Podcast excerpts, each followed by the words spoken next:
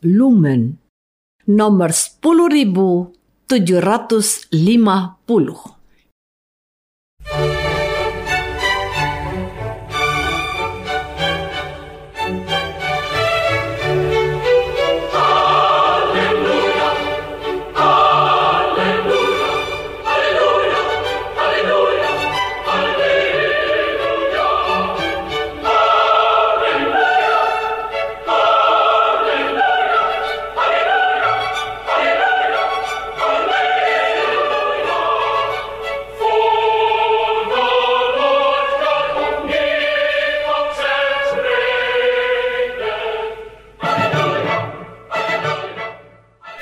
Saudara pendengar di segenap penjuru tanah air, selamat bergabung dengan Lumen Indonesia. Lumen Indonesia siap melayani Anda setiap hari. Saudara terkasih, marilah kita bersatu dalam Tuhan kita Yesus Kristus yang tidak berubah dahulu, sekarang, dan selama-lamanya. Allah Sang Maha Rahim mengasihi dan menerima sebagaimana adanya kita Allah Bapa kita di surga senantiasa bersedia menolong, menghibur, dan meneguhkan kita dalam menghadapi segala permasalahan hidup sehari-hari.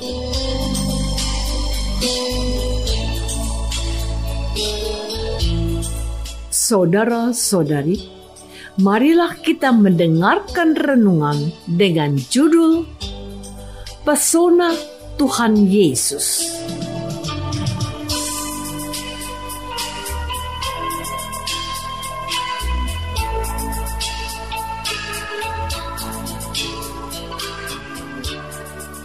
Yang berdasarkan pada Injil Markus bab 1 ayat 16 dan 17. Ketika Yesus melihat Simon dan Andreas sedang menebarkan jala di danau, Yesus berkata, "Mari, ikutlah aku, dan kamu akan kujadikan penjala manusia."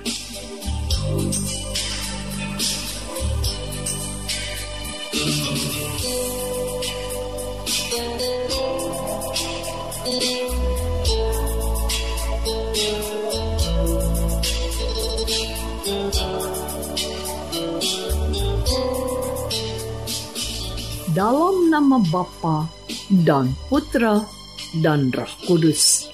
Amin. Saudara-saudari terkasih dalam nama Tuhan Yesus Kristus.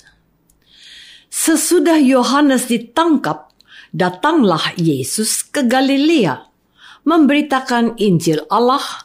Katanya, waktunya telah genap. Kerajaan Allah sudah dekat bertobatlah dan percayalah kepada Injil. Yesus mengambil alih peran Yohanes yang menyerukan pertobatan, tetapi Yesus mewartakan juga Injil Allah. Untuk mewujudkan misi perutusannya itu, Yesus membutuhkan orang-orang yang bisa menjadi rekan sekerjanya orang-orang yang dipanggil untuk mengikuti dia adalah juga orang-orang Galilea yang sederhana, bahkan tidak diperhitungkan orang. Orang yang dipanggil untuk mengikutinya adalah dua orang bersaudara, Simon dan Andreas. Mereka bukan orang hebat, pintar, atau memiliki jabatan serta kedudukan. Mereka itu seorang penjala ikan. Yesus tahu mereka memiliki keahlian menjala ikan. Maka Yesus meminta mereka ikut dia. Kali ini bukan untuk mencari atau menangkap ikan, tetapi untuk menjala manusia. Tidak ada pertanyaan dari kedua bersaudara tersebut. Markus menulis dalam Injilnya, mereka pun segera meninggalkan jalannya dan mengikuti dia. Saudara-saudari terkasih, lalu Yesus melihat dua bersaudara yang lain, yaitu Yakobus dan Sebedius saudaranya. Yesus juga memanggil anak-anak Sebedius yang pekerjaannya juga nelayan untuk mengikuti dia. Kedua orang ini pun langsung meninggalkan begitu saja ayah mereka dan orang-orang upahan mereka. Sepertinya Bapak Sebedius ini adalah nelayan yang sudah cukup mapan karena ia memiliki beberapa orang upahan. Menarik untuk disimak. Keempat orang murid pertama Yesus ini siap meninggalkan kemapanan hidup mereka sebagai nelayan. Mereka memutuskan untuk mengikuti Yesus untuk menjadi penjala manusia. Apa hebatnya Yesus sehingga mereka dengan segera meninggalkan kemapanan hidup mereka dan mengikuti Yesus? Saya berpikir pasti ada sesuatu yang membuat mereka terpesona pada Yesus, yang mengajak mereka bergabung dengan dirinya. Injil Markus tidak memberikan keterangan apa-apa tentang pribadi Yesus yang memanggil mereka. Bisa jadi ada hal-hal yang tidak ditulis oleh Markus dalam Injilnya, tapi menjadi perhatian para calon murid Yesus itu. Tidaklah mungkin tiba-tiba mereka bersikap seperti itu.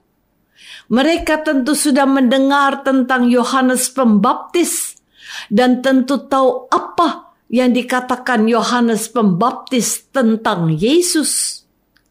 Markus memang tidak memberikan keterangan yang cukup tentang hal itu tentu pribadi Yesuslah yang telah menyihir mereka.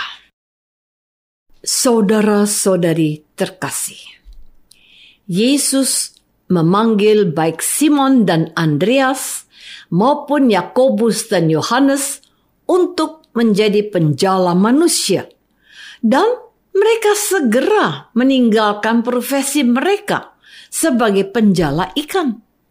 Saya kok yakin pribadi Yesuslah, sosok Yesuslah yang mempesona mereka untuk bergabung. Yesus itu juga orang Nazaret, orang Galilea.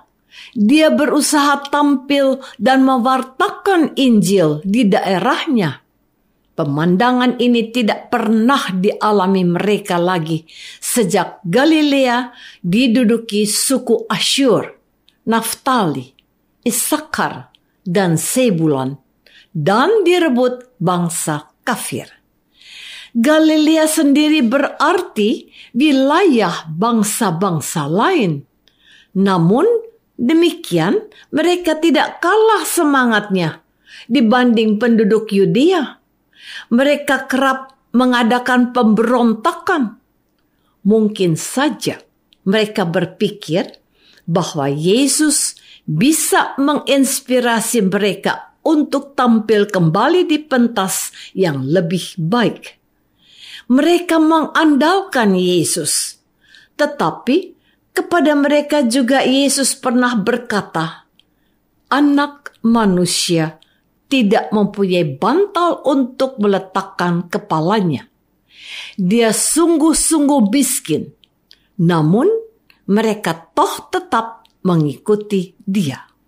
Bahkan Petrus pernah berkata, Ke manakah kami akan pergi? Sebab padamulah ada kehidupan yang kekal.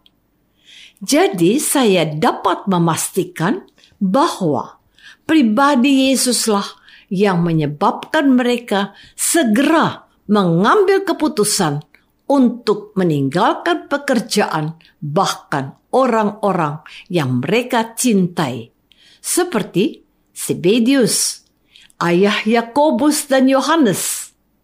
Kalau begitu, apa sebenarnya makna pewartaan gereja pada hari ini untuk kita? Saudara-saudari terkasih, di dalam gereja Katolik kita mengetahui ada sedemikian banyak pemuda dan pemudi yang meninggalkan keluarganya, juga profesinya, dan kemapanan hidupnya untuk mengikuti panggilan Tuhan Yesus. Mereka itu memutuskan untuk menjadi imam, biarawan, dan biarawati, termasuk rasul awam.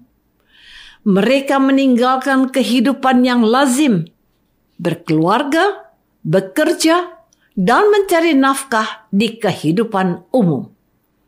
Terkadang kita mendengar kesaksian seorang imam yang awalnya tidak ingin menjadi imam, tapi entah bagaimana akhirnya dia ditahbiskan menjadi imam seseorang yang sudah menduduki jabatan tinggi, memiliki warisan cukup dari ayahnya, tapi ia memilih menjadi suster dan meninggalkan semuanya. Mungkin Anda berkata, "Kok bisa?" Atau mungkin Anda berkata, "Aneh."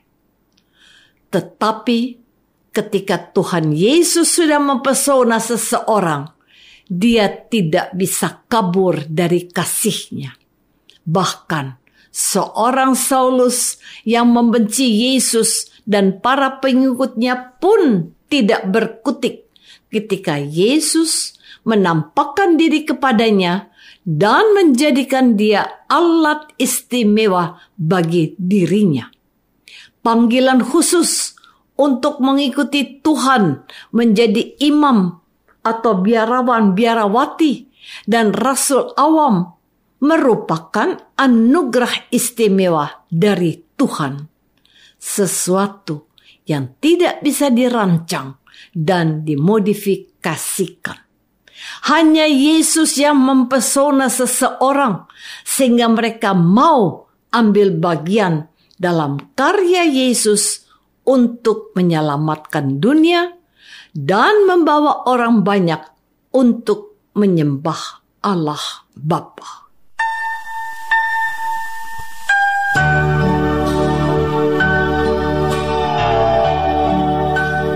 Saudara terkasih, marilah kita masuk dalam saat hening sejenak untuk meresapkan renungan yang baru saja kita dengar bersama dalam kehidupan iman kita masing-masing.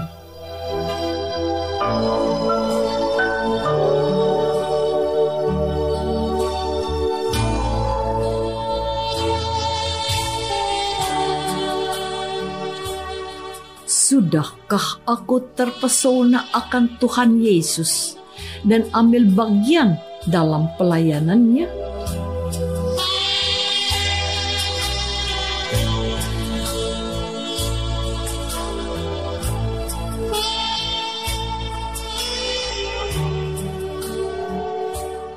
marilah kita berdoa.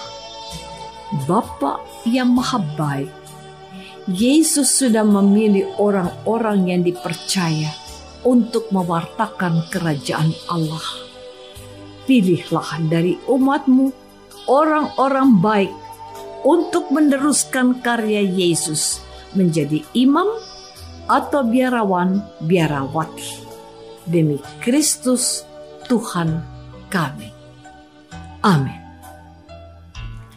Semoga kita semua selalu dinaungi dan dibimbing oleh berkat Allah yang Maha Kuasa, Bapa dan Putra dan Roh Kudus. Amin.